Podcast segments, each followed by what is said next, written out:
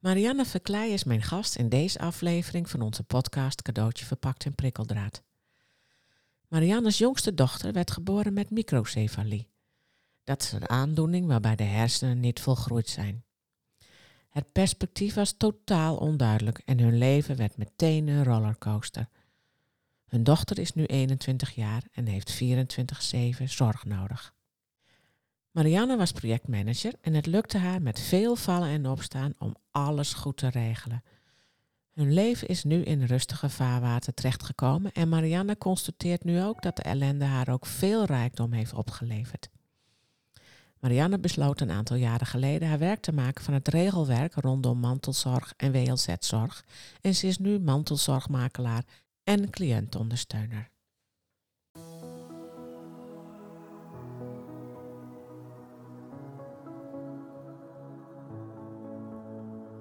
Dit is de podcast Cadeautje verpakt in prikkeldraad met Greet Vonk. Moeilijke tijden zijn ook cadeautjes, hoe lastig ze ook zijn. Helaas zitten ze wel verpakt in prikkeldraad. In deze podcast willen we je inspireren en kennis aanreiken, waardoor je een andere kijk krijgt op de ellende van jezelf of van iemand anders. Met als uiteindelijk doel om een completere versie van jouzelf te worden en of om dat proces bij de ander te ondersteunen.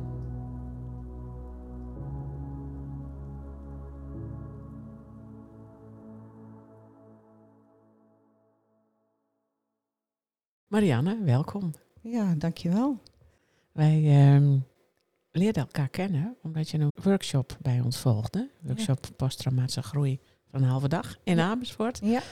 En toen jij jezelf voorstelde, toen eh, stelde je je voor als mantelzorgmakelaar onder andere, ook Ja. cliëntondersteuner. Nou, daar had ik nog nooit van gehoord. En ehm, toen dacht ik, goh, daar wil ik wel meer van weten. Zo hebben we daarna nog een keer gesproken. En toen dacht ik, goh, dat is eigenlijk ook heel mooi om dat verhaal in de podcast te hebben. Ja. En dat wilde jij gelukkig. Ja, heb ik met beide handen aangenomen. Hè? Vind ik leuk. Dankjewel voor de uitnodiging. Ja, want jij wilde dit verhaal wel heel graag delen. Want er zijn zoveel bijzonderheden ja, op dit gebied eigenlijk. Hè? Ja, het is natuurlijk gewoon best wel een onderwerp, ook op dit moment, mantelzorg. Ik ken het ook met mijn eigen ervaring, ook als mantelzorger. Ook daarom meer, veel meer daarin benaming aan te geven, of woorden aan te geven. En ook dat je als mantelzorger niet alleen staat, dat je er ook wel ondersteuning in kunt krijgen. Om in de oerwoud van de mogelijkheden van de zorg die aangeboden wordt, dat die over de schotten mee kan kijken vanuit het sociaal domein. Naast de mantelzorger mee kan komen. En dat doet een mantelzorgmakelaar. Nou, daar gaan we straks nog wel even dieper op in. Want jij zei net van nou, privé heeft dit een reden waarom je dit bent gaan doen. Hoe kom je zover dat je mantelzorgmakelaar bent geworden? Wat is jouw verhaal? Wij samen met mijn man, twee kinderen, twee dochters, waarvan de jongste is geboren met microcefalie. En dat is een afwijking aan dat de hersens niet helemaal volgroeid zijn. Toekomstvoorspelling konden ze niet doen, dus we wisten helemaal niet wat zeg maar, de ontwikkeling van onze dochter zou eh, worden. Was voor hun gewoon heel lastig, omdat je ook niet weet hoe die hersenen zich zeg maar, daarin gaan ontwikkelen.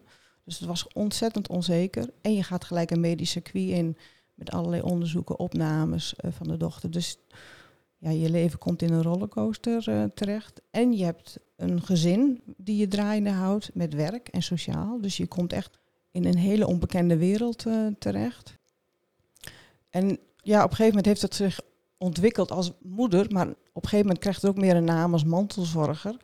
Wat natuurlijk van de laatste jaren natuurlijk veel meer naam heeft gekregen. Mantelzorg, wat voorheen niet zo benoemd werd of niet bekend was. Niet in mijn omgeving tenminste, of in mijn vocabulaire. En de laatste jaren, op een gegeven moment kwam ik er in aanraking met het woord mantelzorgmakelaar. Dat ik dacht van, hé, hey, dit is waar ik eigenlijk zelf heel veel doe. Heel veel dingen uitzoeken. En heel vaak tegen een mompel of onrust zeg van, goh, waarom moet ik elke keer het wiel opnieuw uitvinden terwijl het al een keer uitgevonden is? En dat voor mij toen eigenlijk heel mooi de combinatie van de zorg, de intensieve zorg die we voor onze dochter hebben en nog steeds hebben. Het is gewoon 24 uur zorg die wij gewoon aan onze dochter leveren. Ja, klinkt dan een beetje raar eigenlijk. Ja, maar het is wel, je doet het met heel veel liefde, maar ja, het is Ja. wel veel intenser dan eh, bij een eh, gezond kind. Ja, ik zeg altijd eigenlijk leef ik een beetje twee levens. Mijn eigen leven.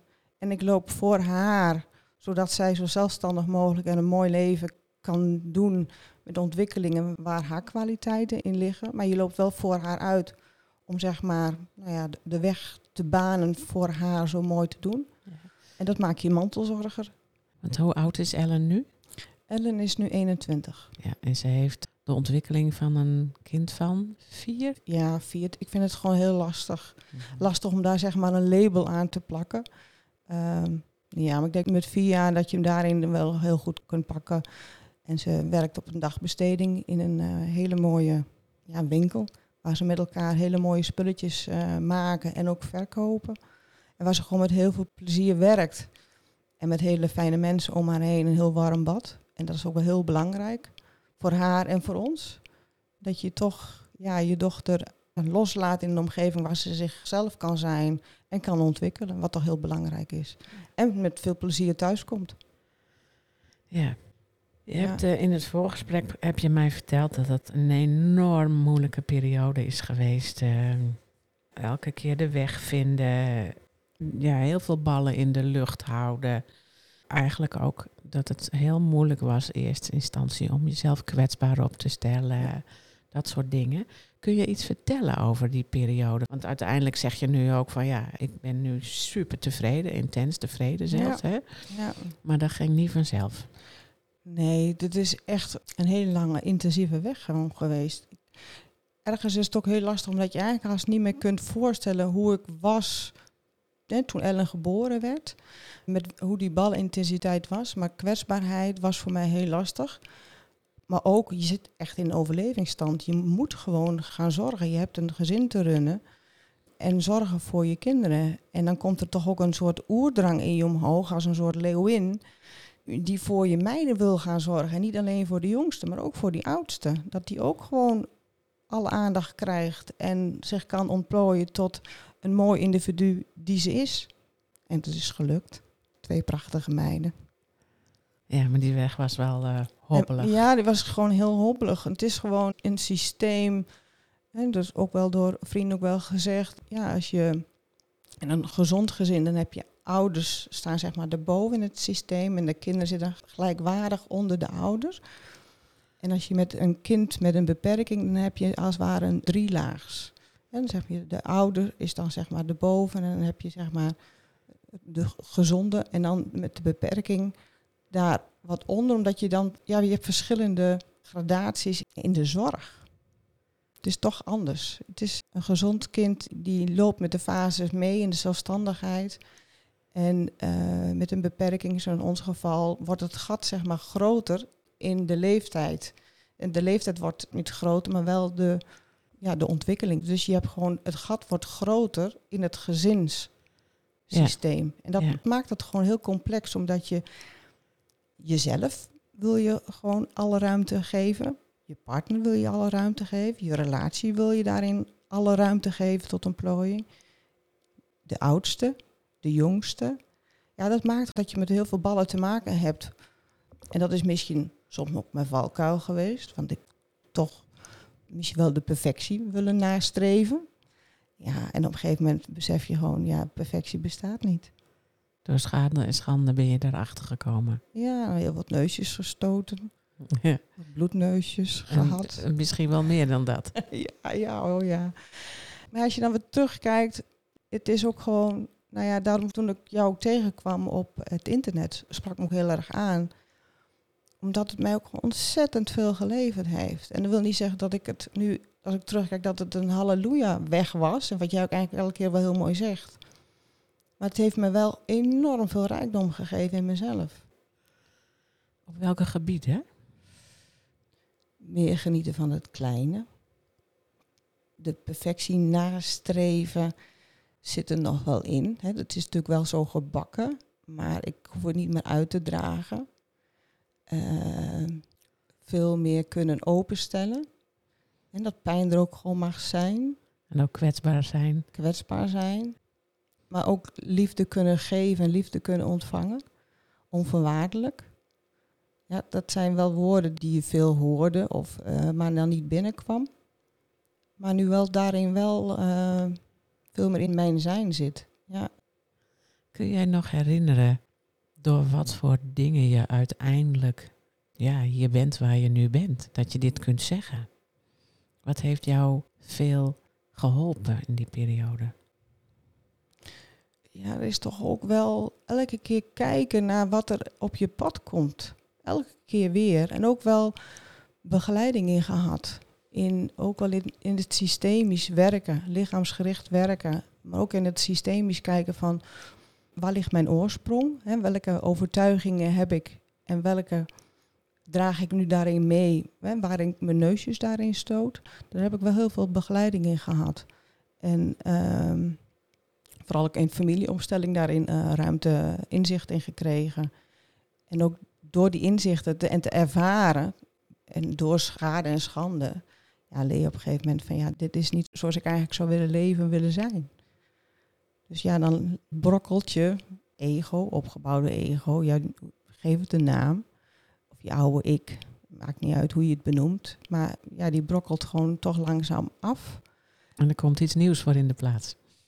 Nou, niet iets nieuws. Ik denk dat meer zeg maar de authenticiteit die er wel in mij zit, die komt meer naar voren. Ja, dat bedoel ik. Ja, Ja, ja mooi.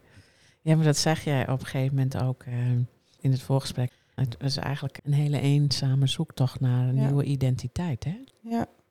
En eigenlijk is het geen nieuw identiteit, hè? Want dat is net of je dan iets nieuws wordt. Maar het is eigenlijk, eigenlijk komt gewoon je ware, je, je schoonheid meer naar voren. Ja. Zonder je maskers. Wij zeggen het is een nieuwe identiteit, is het eigenlijk inderdaad gewoon niet. Wij zeggen eigenlijk in onze opleidingen, overal ook workshops, het gaat over verruiming van je identiteit. Ja, maar, ook, je nog meer dan je dacht dat je was? ja, maar in mijn geval ook wel heel veel dingen heb, heb ik moeten afstoffen, zeg maar. Precies. dat lag er wel.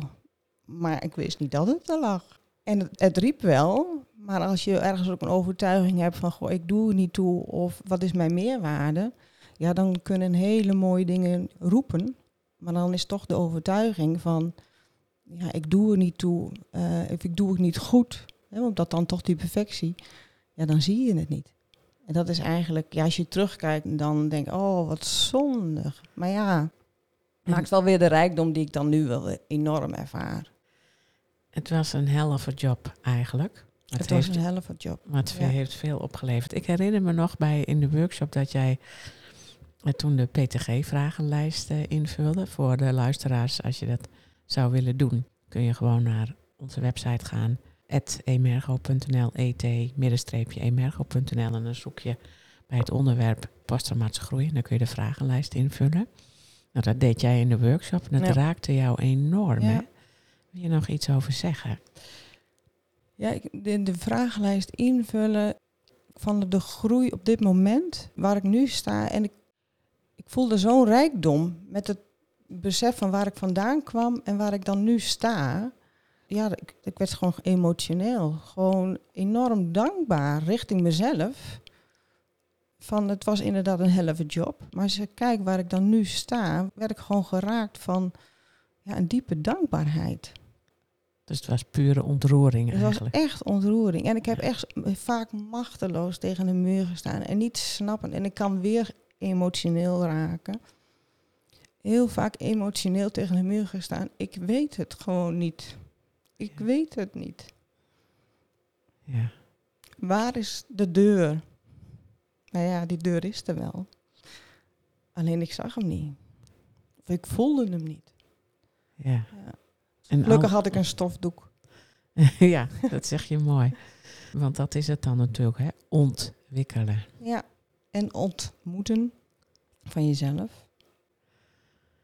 Als nou mensen ehm, die in dezelfde soort situatie zitten als jij zat, dit gevoel hebben van hè, dat je inderdaad, ik weet het gewoon niet, dat je met mijn rug naar de muur staat. Wat zou dan helpen? Ik vind het gewoon heel lastig, want het is zoiets persoonlijks. Dit traject heeft voor mij zo geholpen, maar het kan voor een ander kan een heel ander traject zijn. Dus, maar wel ga het gesprek aan. Maakt niet uit met wie. Al is het de buurvrouw of met een vriendin Of met jezelf in de spiegel. Het maakt niet uit, maar geef de woorden aan. Ook weet je nog niet waar je naartoe wil, wat de onmacht is. Maar ja, geef de woorden aan. Laat daarin wel je stem horen. Uit jezelf. Uit jezelf. Ja. En ook al weet je niet waar zeg maar, het draadje van de kluwen is, maar pak zeg maar, die kluwen in de handen en ga op zoek naar het begintouwtje en ga hem ontrafelen. Ja, en bij wie en hoe, dat is Dat- zo persoonlijk. Dat kan ook met lezen zijn of een televisie, podcast. Ik bedoel, tegenwoordig heb je zulke mooie podcast. Ja, en internet. Maar ja, uiteindelijk moet je het zelf doen. Ja, maar je hoeft het niet alleen te doen. Nee, je hoeft het niet alleen te doen. Je kunt af en toe gewoon even vragen naar een stukje handleiding van de puzzel. En wat misschien ook helpt is, dit verhaal van jou kan ook hoop geven. Hè? En hoop doet toch wel leven. Absoluut.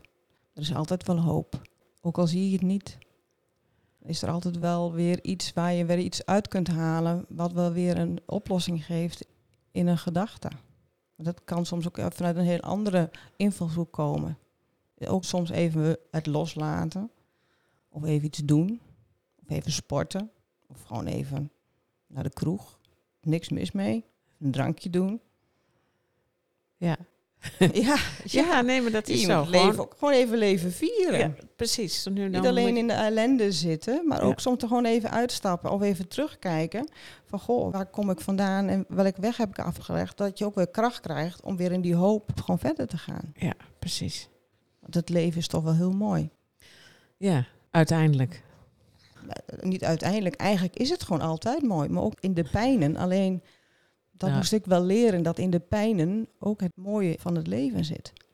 Ja, maar dat is denk ik wel heel moeilijk. Als je midden in die ellende zit, dan voelt het wel ellendig. Maar je kunt op een gegeven moment wel een soort van strategie ontwikkelen. Dat je weet van, nou oké, dit brengt mij weer ergens of iets. Ja, nou, het is niet voor mij als ik in pijnen zit dat ik denk van goh, hè, dit is een reden en het zal me iets brengen of in een groei. Maar wel dat ik het kan accepteren op dat moment dat de pijn er is, op wat voor manier dan ook. Dat ik het toe mag laten dat het er is, zonder te denken wat is de uitkomst. Want als ik in een uitkomst ga, dan ga je in een soort verlangen. En in de uitkomst zal ook wel weer een teleurstelling gaan zitten. Omdat misschien de uitkomst toch weer anders is dan je verlangt of verwacht. Dus meer gewoon ja, doorleven van de pijn. En het is niet, het is niet fijn. Nee, en dat gaat het nooit worden. Nee. Maar ook daar kun je van leren in de zin van dat je steeds beter leert met je eigen emoties om te gaan. En dat is ook wel winst. Ja. Ook al wordt het nooit leuk, hè? Hoe goed je dat op een gegeven moment ook kunt, leuk wordt het nooit. Nee, wat het gewoon niet. Nee, op dit moment, eh, mijn man heeft uh, long covid, nu een jaar. Maar door te accepteren dat het is zoals het is. Zoals jij elke keer mooi zegt, het is geen halleluja verhaal. Maar het is wat het is. En dan wordt het lichter. Dan kijk je naar van, goh, wat zijn de mogelijkheden? Hoe pakken we het op? En eh, ja, Nou, ja, dat klinkt een beetje een rare overstap. Maar toen eh, ging je vanuit je privé-stuk, ging je daar professioneel iets doen. ja, Want jij werkte wel in de zorg, maar op een heel ander gebied. Ja, ik eh, werkte wel in de zorg in het ziekenhuis op een ICT-afdeling. Waar ik projectleider, projectmanagement deed. Dus grote projecten leiden in het ziekenhuis. Ook technische projecten. Ook wel eh, de brugfunctie ook wel heel veel. Vanuit het functioneel gecombineerd met het technische eh, gedeelte. ICT was ik niet, ben ik niet. Maar wel zeg maar meer op de processen kunnen kijken en de combinatie daarin kunnen leggen. Eh, dus ik weet wel hoe de zorg werkt en hoe artsen eh, daarin, ehm, zeg maar de taal van de artsen, die nou ja, versta ik ook niet, maar Nou, je kunt je weg daar goed in vinden. Ja. Ja, daarin er ook ruim ervaring op vanuit de werkvloer eh, ook, maar ook vanuit het eh, ICT-gedeelte. ja. En toch besloot je op een gegeven moment dat dat niet meer genoeg was. Ja, het is op een gegeven moment ook wel een proces. Ook wel dat door ehm, in 2015 is ook de overgang gekomen van de zorg dat we naar de gemeente moesten. En toen ik daar ook bij de gemeente kwam, bij Centrum Jeugd en Gezin, en eigenlijk al helemaal uitgewerkt kwam met een heel mooi plan voor de onderbouwing voor de zorg die we nodig hadden voor eh, onze dochter. dat ik ook daarin gelijk was een soort voorbeeld. Dat ze zei, goh, hier moet je wat mee. Dus toen zei ik, nee, maar dat is niet mijn werk, dat is van, hè, voor jullie. Toen distancieerde ik me nog een beetje daarin uh, van. Maar ja, zo langzamerhand zijn daar wel in al zaadjes geplant van blijkt dat je, hey, ik heb er wel kijk op, of ik doe het goed, of uh, ik zie daarin de mogelijkheden. En op een gegeven moment was ook wel dat ik in mijn werk, dat ook wel de ballen gewoon echt te belastend was. Gewoon die vele ballen en die verantwoordelijkheid. En daarin met de uitdaging niet meer te combineren uh, viel. En toen kwam het woord mantelzorgmakelaar voorbij. En dat was voor mij, het, het matchte in die zin gelijk. Het is toch het regelwerk, dus het helikopterview. Hè, wat je vanuit projectmanagement toch ook echt die helikopterview kijkt van gewoon naar het geheel. En dat is met mantelzorgtaken net zo ook. Dan kijk je ook naar het geheel van de zorg. En de mantelzorg in het systeem, in het gezin. Uh, nou, wat heeft het nodig? Ja, en dat, dat greep me. En toen dacht ik van, maar nu kijk ik terug en denk ik, oh, al die ervaring, levenservaring die in nu in mijn rugzak zitten met de opleiding, dit maakt mij mantelzorgmakelaar. Heeft dat ook nog iets met zingeving te maken gehad? Ja, want op een gegeven moment kreeg ik ook niet meer de zingeving vanuit mijn werk. Het ging me op ergens daarin tegenstaan. Uh, ik heb het werk altijd met heel veel plezier gedaan, ook met de mooie mensen om me heen. Maar het stukje zingeving had ik er niet meer in. En dat heb ik nu wel, dat je gewoon vanuit je, net wat je ook vroeg van, god, wat heeft mensen nodig? Ja, elk gezin, elk vraagstuk is anders. En ik vind elke keer weer bijzonder dat je in een stukje kwetsbaarheid mag naast gaan zitten en even met ze op mag lopen en kleine handreikingen mag geven. Ja, en dat heeft ook wel weer met die zingeving te maken. En ook een stukje passie vanuit mezelf. Ja, dat is wel mooi, die combi eigenlijk. Ja, ja. ja prachtig. En soms ook apart dat je aan de andere kant van de tafel zit. Omdat je ook heel goed kunt inleven van... als je dan met een vader en moeder over hun gehandicapt kindje praten. Dat je ook gewoon heel goed in kunt leven in die eenzame zoektocht. In al die schotten en waar je tegenaan kunt lopen.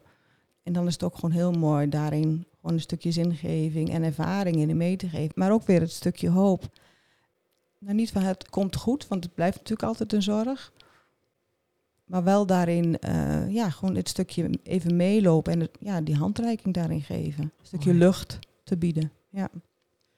We hadden het er net al over um, dat jij vroeger nooit zo keek naar mantelzorg. dat is van de laatste jaren. We gaan er straks nog even dieper op in wat mantelzorgmakelaar nou precies doet. Maar wat is nu eigenlijk precies de definitie van een mantelzorger? Wanneer is iemand wel of niet mantelzorger?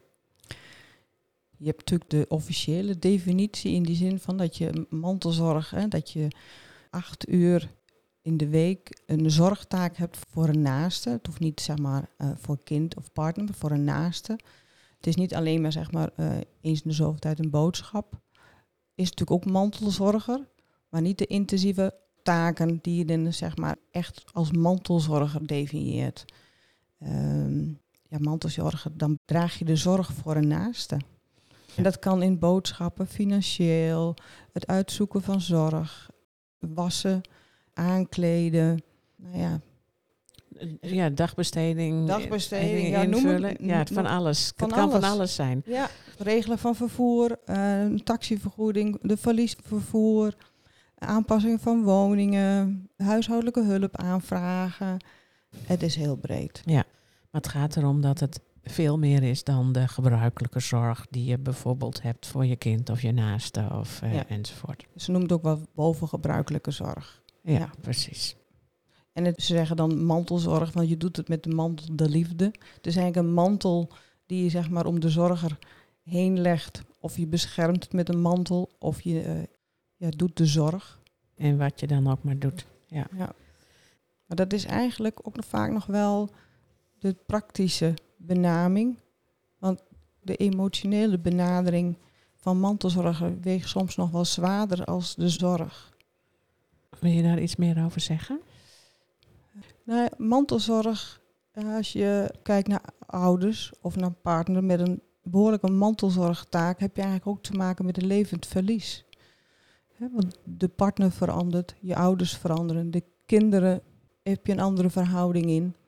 Dus je hebt ook wel met een levend verlies. Dus uh, mantelzorg is niet alleen maar de zorg en de regeltaken.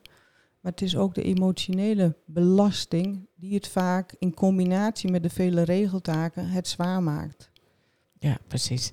Ja, ik heb een poosje geleden een lezing gegeven voor mantelzorgers bij uh, Humanitas. En dit herken ik heel erg van, uh, ja, het kan heel veel druk geven ook, hè? Ja. En je hebt weinig mogelijkheden om uit te wijken. Ja, want de zorg moet gewoon geleverd worden. En ook daarin je emotie moet je vaak wel opzij zetten. Want het moet wel of gedaan worden, of voor je partner of voor je kinderen.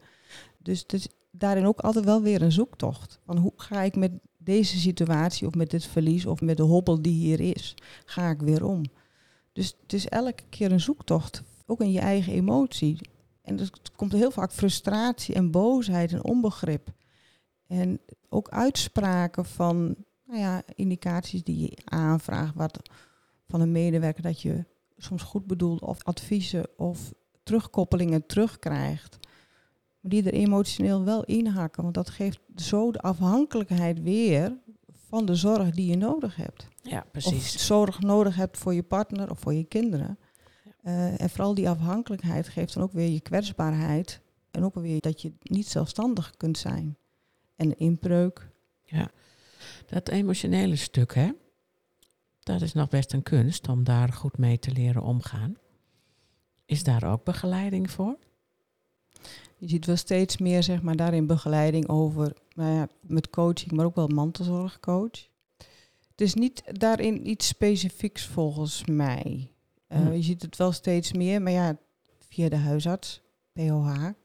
En ik denk ook wel een coaching, uh, een levend verlies, dat er ook wel steeds meer met verlieskunde zie je natuurlijk ook wel, vind ik, de laatste jaren veel meer. Maar het is natuurlijk uiteindelijk altijd het hele pakketje van jezelf. Van de oorsprong, waar kom je vandaan en Mhm. hoe ga je met dingen om. Uh, mantelzorg, coaching, het, het, is niet alleen de mantelzorg waar je begeleiding in nodig hebt. Want Nee, uiteindelijk zit het onder de stoflaag, kom ik weer even met de stoffen terug. Ja, uiteindelijk ben je je eigen pakketje uh, die ermee om moet gaan. En de ene gaat er anders mee om als met de ander. Dus ja, uiteindelijk, welke begeleiding maakt volgens mij niet zoveel uit als je maar gewoon in de spiegel gaat kijken van, goh, wat is de emotie die mij raakt in mij, waar ik iets mee wil of Maar- moet doen. Ja, wij schrijven in ons derde boek, Cadeautje verpakt in prikkeldraad, een stuk over emoties. En eigenlijk gaat het erom, als ik jou zo ook hoor, je moet gewoon bloedeerlijk naar jezelf worden. En ook je emoties die er zijn, op een gegeven moment uiten. En dat hoeft niet naar degene toe waar je voor zorgt of wat dan ook, maar gewoon wel zelf doen. Ja. Ja, zodat het zich niet opstapelt. Ja. Want dan gaat het op een gegeven moment vroeg of laat wel een keer fout. Ja, dan gaat het in je lichaam opslaan. Begeleiding, die zei ook altijd tegen mij, dus eigenlijk moet je eigenlijk als ware bloot over straat lopen, want het is in de naakte waarheid. Ja, Ja, nou, dus ga, maar eens, maar ga maar eens in je naakje over straat. Hè? Ja, dat doe je niet. Dus nee, dat was Nee. niet mijn specialiteit. Nee, maar goed, het gaat er dus eigenlijk om dat je gewoon bloed eerlijk wordt naar je eigen emoties en daar dan ook iets mee gaat doen op een of andere manier. Anders kun je het gewoon niet volhouden. Nee, en zo vrouwelijk naar jezelf. En ook dat je daarin met een paar kunt delen.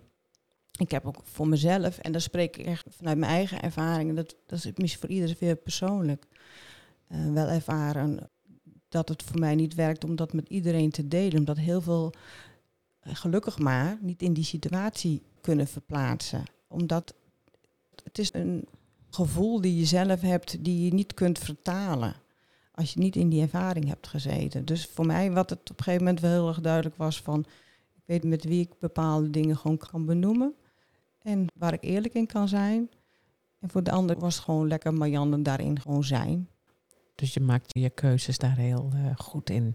Ja, maar dat, dat leer je ook. Ja. En dat was ook voor mij persoonlijk, hè, dat ik ook gewoon het leven wel omarm in een bepaalde luchtigheid. Ja, Dat ik ook wel luchtigheid gewoon om me heen gewoon gezellig en heerlijk nodig heb. En eh, daar enorm van kan genieten van een drankje. en dat je dan dus ook niet het altijd erover hoeft te hebben. Nee, Je hoeft er ook eh, niet in te blijven hangen. Ja, ja, Of met- precies. Of met een, een spandoek zeg maar de straat op van kijk hoe ellendig het allemaal is. Nee, want het- ja, dan schreeuwen de emotie naar buiten, terwijl de emotie eigenlijk intern is. Wat een grappig. Dat schrijven we ook iets over in ons, ons derde boek. Het gaat over slachtofferschap. Je bent natuurlijk een soort van slachtoffer van de situatie. Maar dat hoef je niet de hele dag te gaan doen. Want Nee. daar knapt niemand wat van op. Nee. Maar het is soms wel heel makkelijk. Hè? Soms snap ik het ook gewoon heel goed als mensen daar wel in zitten. Want ergens is het ook gewoon heerlijk om daar zeg maar in te gaan modderen. Want het is dan eigenlijk gewoon modderen aan slachtofferschap. Maar je, wordt er niet wijzer van en ook niet rijker van. En uiteindelijk wordt het nog meer een modderpoel. En dan kun je hem nog meer in het drijfzand wegzakken. Ja, dat is natuurlijk vanaf de zijkant altijd heel makkelijk om je, ja, je oordeel op te geven. Maar als je erin zit, is het ook wel heel lastig om uit het drijfzand te komen. Maar het is wel goed dat mensen zich realiseren dat dat kan. Absoluut. Of dat dat niet altijd makkelijk is, dat weten we. Ja, nee, maar het is zo belangrijk dat je ook Ja. gewoon daaruit kunt stappen. En weet van Precies. dat je ook even die luchtigheid gewoon ook wel nodig hebt om uit, er- uit te komen. Ja. Nou, en een van de dingen die je dan kunt gebruiken in dat proces is een mantelzorgmakelaar inschakelen. Ja, Daar hebben we het net al even over gehad. Eh, ik had er nog nooit van gehoord, maar het is een officiële beroep. Er is ook een beroepsvereniging. Er Ja. zijn erkende opleidingen voor. Het wordt ook inmiddels door de meeste ziektekostverzekering vanuit de aanvullende verzekeringen eh, wordt het vergoed. En wat doe je dan precies? Ja, dit is variërend. Als ik benaderd word, dan ga ik eerst even luisteren naar de vraagstelling. En vanuit die vraagstelling ga ik ook kijken van, goh, kan ik er iets mee? Of kan ik al met een kortdurend advies, gewoon telefonisch al? En als de vraagstelling dusdanig is dat ik zeg van, goh, ik kan als mantelzorgmaker iets voor u betekenen, dan maak ik een afspraak. En ga ik naar de mensen thuis. En dan nemen we de situatie, de zorgvraag door met de mantelzorgtaken. En dan maak ik een soort analyse van wat is de zorgvraag die die situatie is. En dan uitwerken verschillende thematieken en kijken naar alle wetten waar zorg uit geboden kan worden. Dus vanuit de gemeente, de WMO, of de wet langdurige zorg, 24 uur zorg, de zorgverzekeringswet, de thuiszorg, de jeugdwet. En dan kijk je gewoon ook op financiële ondersteuning. Van goh, wat kan er eventueel financieel vanuit de gemeente of vanuit een zorgverzekering of vanuit de centrale verzekeringsbank of dubbele kinderbijslag. Nou ja, je gaat gewoon het hele palet bij langs om te kijken van goh, waar is de vraag en waar nou, kan informatie aangeboden worden of gewoon een ondersteuning gezocht worden in inzet in huis of huishoudelijke hulp of vrijwilligers. Of, ja, het is gewoon heel breed. Ja, dus je kijkt gewoon naar waar loopt het eigenlijk vast, hè? of wat loopt heel moeilijk. Hè? Welke hulp is dan fijn voor zo'n gezin of situatie. Ja. En dan ga jij ook kijken waar kunnen de financiële middelen dan vandaan komen. En je noemt al een heel rijtje, maar dat is eh, een woud van mogelijkheden. Een woud van mogelijkheden. Maar ik kijk ook gewoon wel naar de eigen kracht. Hè? Net Ja. waar we het net ook over hadden. Van ook, eh, wat is de eigen kracht? Eh, hoe is het sociaal netwerk? Soms is de visie een eigen sociaal netwerk is nauwer als dat het daadwerkelijk is. Dus dat is ook soms een stukje begeleiding van, gaan we gewoon eens opschrijven. Wat is het sociaal netwerk om u heen? En hoe kunnen we die eventueel weer versterken hè, vanuit de eigen kracht? Ook om daar ook weer die zingeving weer in aan te bieden. En ook kijken naar mogelijkheden. Dus niet alleen maar kijken naar mogelijkheden zeg maar, vanuit de overheid, maar ook kijken van, nou ja, even weer de blik, ook hier de stofdoek af en toe even gebruiken van, goh, wat zijn de eigen middelen? Gewoon positief bekijken naar het sociaal netwerk. En even meedenken met oplossingen. En uiteindelijk heeft de mantelzorg en de zorgvragen houden altijd eigen regie. Dus je biedt mogelijkheden aan, je kijkt mee, je denkt even mee. Maar uiteindelijk is de mantelzorger en de zorgvrager bepaald. Ja, precies. Maar stel bijvoorbeeld er komt uit van nou, twee dingen. Hè? Dus de, de eigen omgeving eh, wat eh, meer betrekken. En iets van WMO of zo. Ga je dan ook de WMO aanvragen of doe je dat niet? Ja, het ligt ook weer aan de situatie. Soms is met een handreiking doen ze het zelf. Je kijkt ook wel hè, naar het budget. Je maakt afspraken van, goh, wat zijn de vergoedingen van de zorgverzekering? Wat is het tijdsbestek wat ik hiervoor kan aanbieden? En wat kan je daarin zelf doen? Ja, want dat verschilt heel erg per zorgverzekeraar Ja. hoeveel uren jij mag besteden ook. Hè? Ja. Dus dat speelt dan ook nog Ja, weer een rol. Ja, en wat eh, hebben de mensen ervoor over om zeg maar, het zelf te betalen? Of via een werkgever? Kan natuurlijk ook. Soms wordt ook de, vanuit de gemeente wel vergoed. Dan kun je ook aanvragen vanuit de gemeente van een inzet van mantelzorgmakelaar. Dus ja, dat is gewoon afhankelijk van de nood van de mantelzorger en Ja. de zorgvrager. En dan kun je ook zeggen, nou, ik kan het wel aanvragen, omdat je toch wel heel goed qua onderbouwing de zorgvraag goed aan kunt vragen. En dat het gesprek dan, dat ze het zelf doen. Kan ik ondersteuning bieden met een keukentafelgesprek, dat ik erbij zit. Uiteindelijk voeren hun wel het gesprek, maar soms kun je net even de brugfunctie wat beter vertalen. Want vaak wordt de zorgvraag uit de emotie gesteld. Maar dat wil niet zeggen vanuit de emotie dat de zorgvraag goed wordt geformuleerd. ja, precies. En dat is dan ja, weer de kracht van de mantelzorgmakelaar, die gewoon heel goed objectief de zorgvraag kan formuleren. En ook wel de emotie kan meenemen, maar gewoon objectief. Dit is de zorgvraag die gewoon nodig is om de zorg vol te kunnen houden. En dat kan ook met een stukje respijtzorg. Ik weet niet of mensen dat woord kennen. Wat is respijtzorg? Uh, respijtzorg is dat even de zorg overgenomen wordt. Dus dat kan in de vorm van dagbesteding zijn. Maar het kan ook even logeren zijn. Dat de partner of een kind gaat logeren. Dat de ouders of de partner even kan ontlasten van de zorg. Dat de accu weer geladen kan worden. Dat even de bloemetjes buiten gezet kunnen worden. Ja. En een dansje gedaan kan worden met een drankje erbij. of persoonlijke ontwikkeling kan gaan doen. Dat er weer ruimte is zodat de liefde voor hunzelf is gegeven, weer ook weer de liefde voor de ander gegeven kan worden. Ja, mooi. Respijtzorg. Dat is voor jou een heel bekende term, maar eh, ik denk voor heel veel mensen niet. Ja, dat is soms ook wel de valkuil. Net zoals dat je de WLZ, de WMO, de CAK, dat zijn allemaal van die grondslagen van de WLZ. Dat voor allemaal van die, nou ja, die expertise.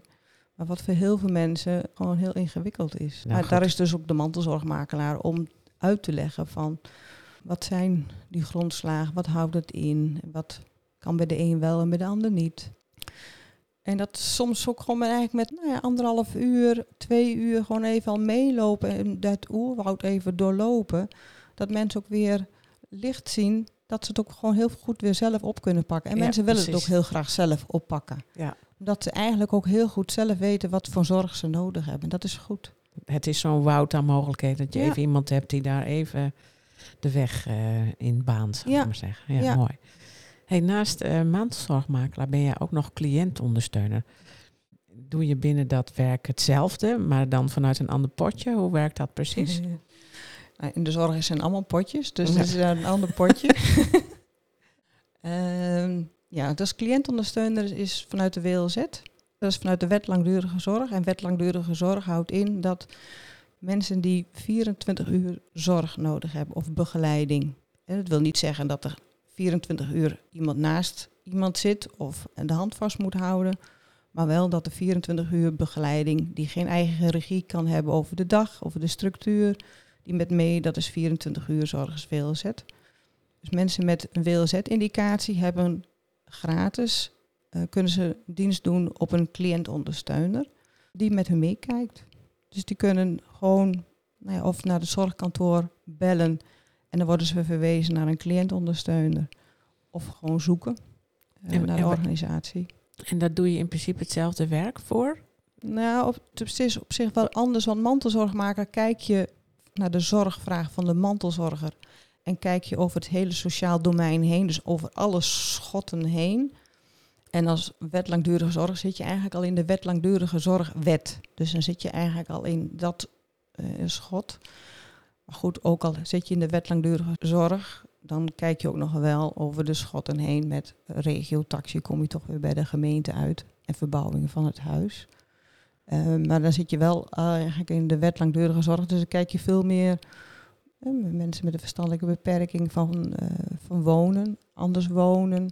Samen op zoek naar een, geschikte woonvorm.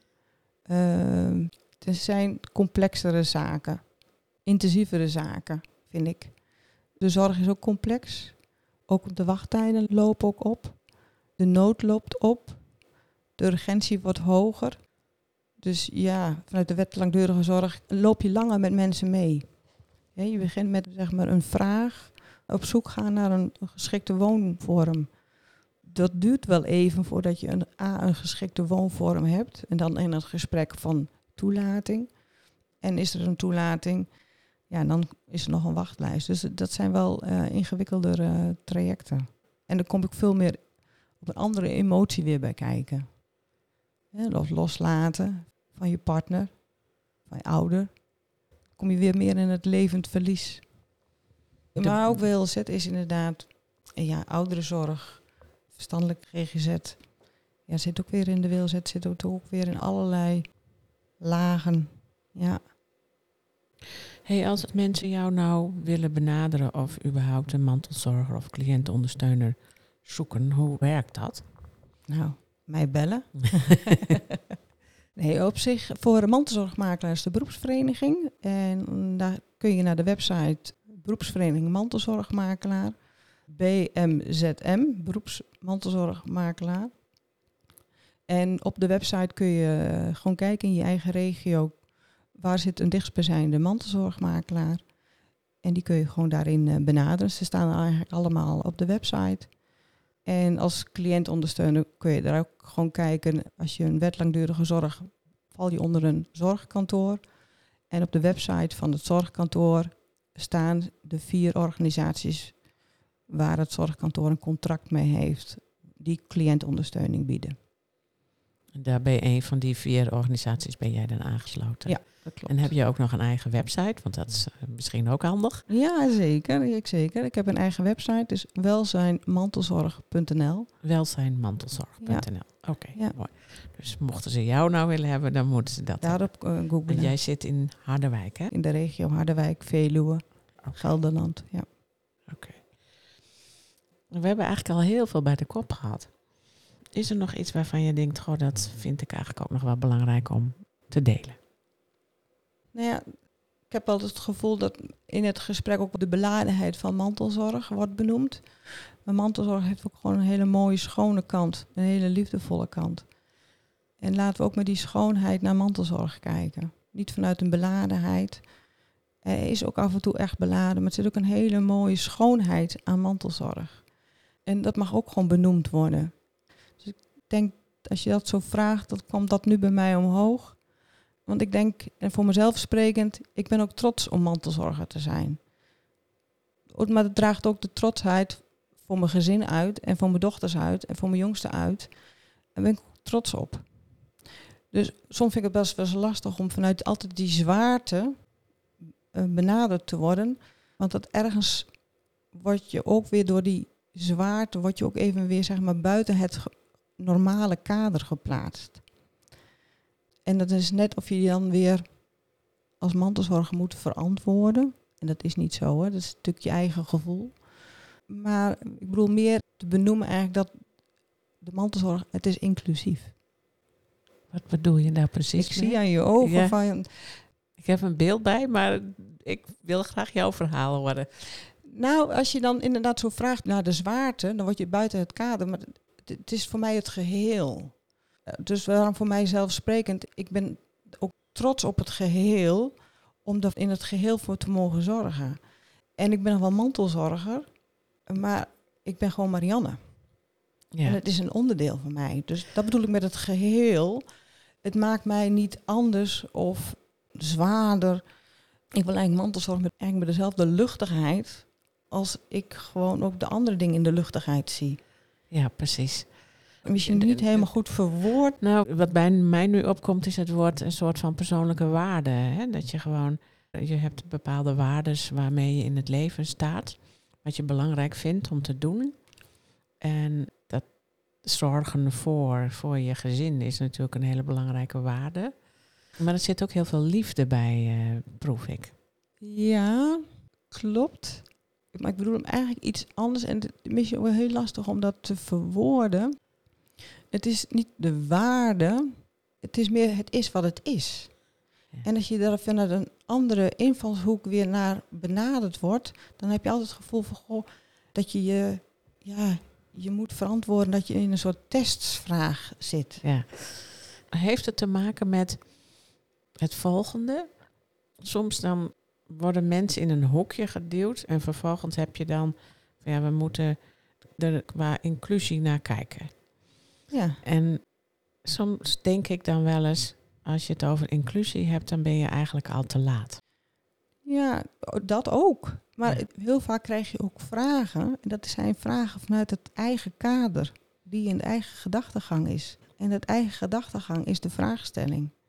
Mensen kijken vanuit hun eigen perspectief. Ja. En ja. jouw perspectief is dit normaal, eigenlijk. Ja. En die vraagstelling snap je wel, hè, vanuit het kader. Maar voor mij zit er zeg maar meer lading in de vraagstelling als dat het daadwerkelijk is. Ik kan je volgen.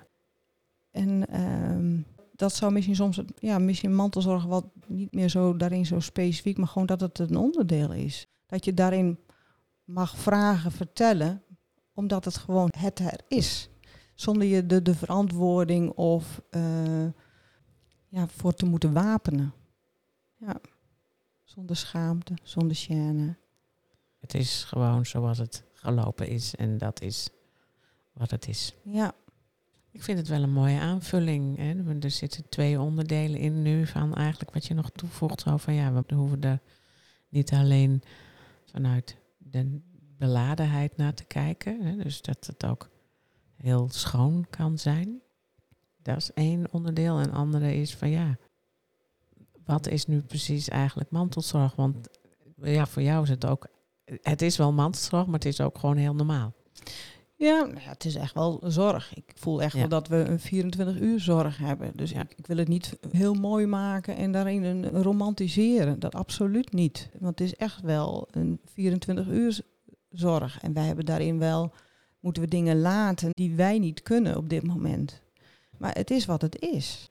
Dus misschien meer zo van op een bepaalde manier is het al een extra taak. Maar als je ook elke keer op die extra taak wordt bevraagd, dan die extra taak een extra lading krijgt. Terwijl Ja. dat andere voor ons net zoveel meerwaarde heeft, zeg maar, om dat in die balans te blijven. Ja, precies. Waar leg je de nadruk op? Ja, of leg je dan de steen in de rivier, zoals het dan ook weer de, de uitspraak is. Ja. Ah, mooi. ja, dat is toch misschien wel weer die posttraumatische groei. Zullen we daarmee afsluiten? Lijkt me helemaal mooi. Dankjewel. Graag gedaan. Dankjewel voor het luisteren naar deze cadeautje verpakt in prikkeldraad podcast. We willen nog graag een paar belangrijke dingen met je delen. Als je enthousiast bent over deze podcast, dan zijn we blij met een review. Daarmee help je ons bij onze missie. Je kunt de podcast natuurlijk ook doorsturen aan mensen van wie jij denkt dat ze er ook iets aan hebben. Wil jij voortaan alle nieuwe podcastafleveringen overzichtelijk op een rijtje? Abonneer je dan op deze podcast. Heb je vragen of ideeën voor deze podcast? We horen het graag. Je kunt een mail sturen naar info@sterkerdoorellende.nl of Greet Vonk een bericht sturen op LinkedIn. Zoveel mensen kunnen profiteren van een andere kijk op ellende. Het is daarom onze missie om PTG bekender te laten worden dan PTSS. Wil jij meer weten over PTG of bijdragen aan onze missie? Je kunt op onze website www.sterkerdoorellende.nl onze boeken bekijken en eventueel kopen, de e-learning bekijken, een gratis inspiratiesessie volgen, de PTG-vragenlijst invullen, workshops en opleidingen boeken. We hopen dat deze podcast jou heeft geïnspireerd, zodat je in tijden van ellende in jouw leven of werk kiest voor het positieve en hoopvolle gedachtegoed van PTG. Voor jouzelf, je familielid, je vriend, vriendin, collega, klant, voor wie dan ook. Tot de volgende keer.